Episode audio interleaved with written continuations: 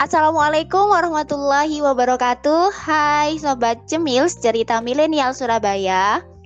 Alhamdulillah kita kembali lagi untuk menemani teman-teman milenial. Ya, kali ini sedikit berbeda, kita berdua. Halo, Assalamualaikum warahmatullahi wabarakatuh Sahabat milenial. Dan kali ini kita bahas dua momen penting yang terjadi di bulan Agustus ini ya. Kebetulan sekali gitu yaitu yang pertama uh, tentang 17 Agustus. Tahu ya teman-teman ada apa kemarin? Kemudian Tahu.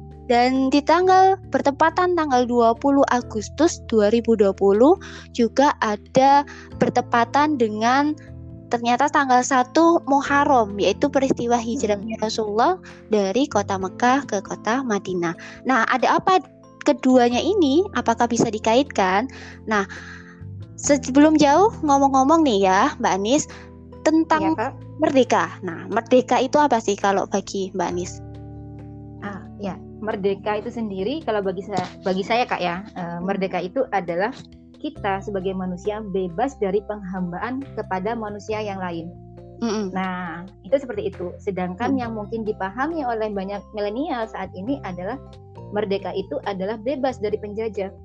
Nah, hmm. memang benar nih Kak, sekarang kita sudah bebas dari penjajah. Karena apa? Karena secara fisik sudah tidak ada lagi penyiksaan.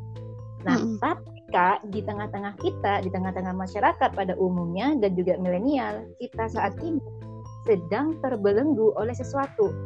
Nah, sesuatu itu adalah pemikiran Kak. Pemikiran hmm. yang membelenggu kita.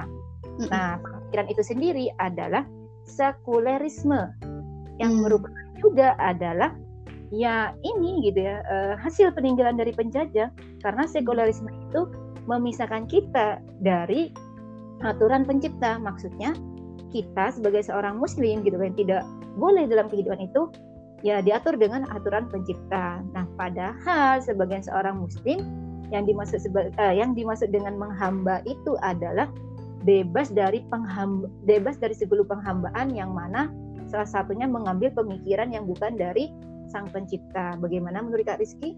Mm-mm. Iya benar-benar benar. Ini saya kaitkan dengan Islam ya, karena kita kan sebagai seorang Muslim. Nah, uh, Islam memang dat Islam itu datang memang untuk membebaskan itu semua ya, membebaskan dan memerdekakan manusia manusia secara hakiki. Artinya memang tidak hanya secara fisik manusia itu merdeka, hmm. tetapi secara pemikiran dia juga harus merdeka. Nah, contoh misalkan di masa jahiliyah ya, masa jahiliyah, masyarakat pada saat itu kan masih tunduk kepada hukum-hukum yang itu berdasarkan hawa nafsu manusia belaka kan ya. Hawa nafsu mereka di mereka dipimpin oleh hawa nafsu mereka sendiri gitu. Nah, begitu Islam hmm. datang itu merubah itu semua. Dan hmm. ternyata memang kalau kita uh, tadi ya kita kaitkan dengan peristiwa hijrahnya Rasulullah Shallallahu Alaihi Wasallam dan juga para sahabat pada saat itu. Dan ternyata memang uh, ketika uh, ter, kaum muslimin itu sudah hijrah ke Madinah benar-benar nih manusia itu benar-benar uh, terbebas, merdeka secara hakiki kayak gitu. Karena tidak lagi yang awalnya tadi menyembah kepada berhala, kemudian tidak lagi menyembah ke sana gitu, tapi benar-benar menerapkan Islam atau tunduk kepada Islam secara kafah, secara menyeluruh kayak gitu.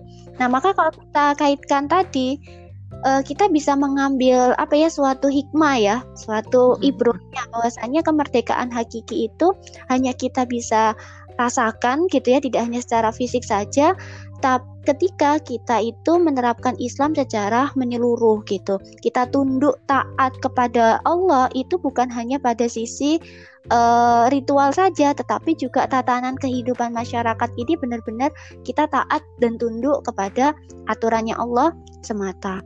Nah, itu terjadi. Nah, terjadi di masanya Rasulullah adalah ketika Rasulullah berada di Madinah, yaitu uh, dan pada saat itulah juga ada institusi khilafah. Jadi apa ya Islam itu bisa kita terapkan secara menyeluruh atau kita itu bisa taat totalitas kepada Allah itu ketika uh, ada institusi yang itu menua, menaungi ya menaungi kaum muslimin uh, apa namanya dalam naungan khilafah.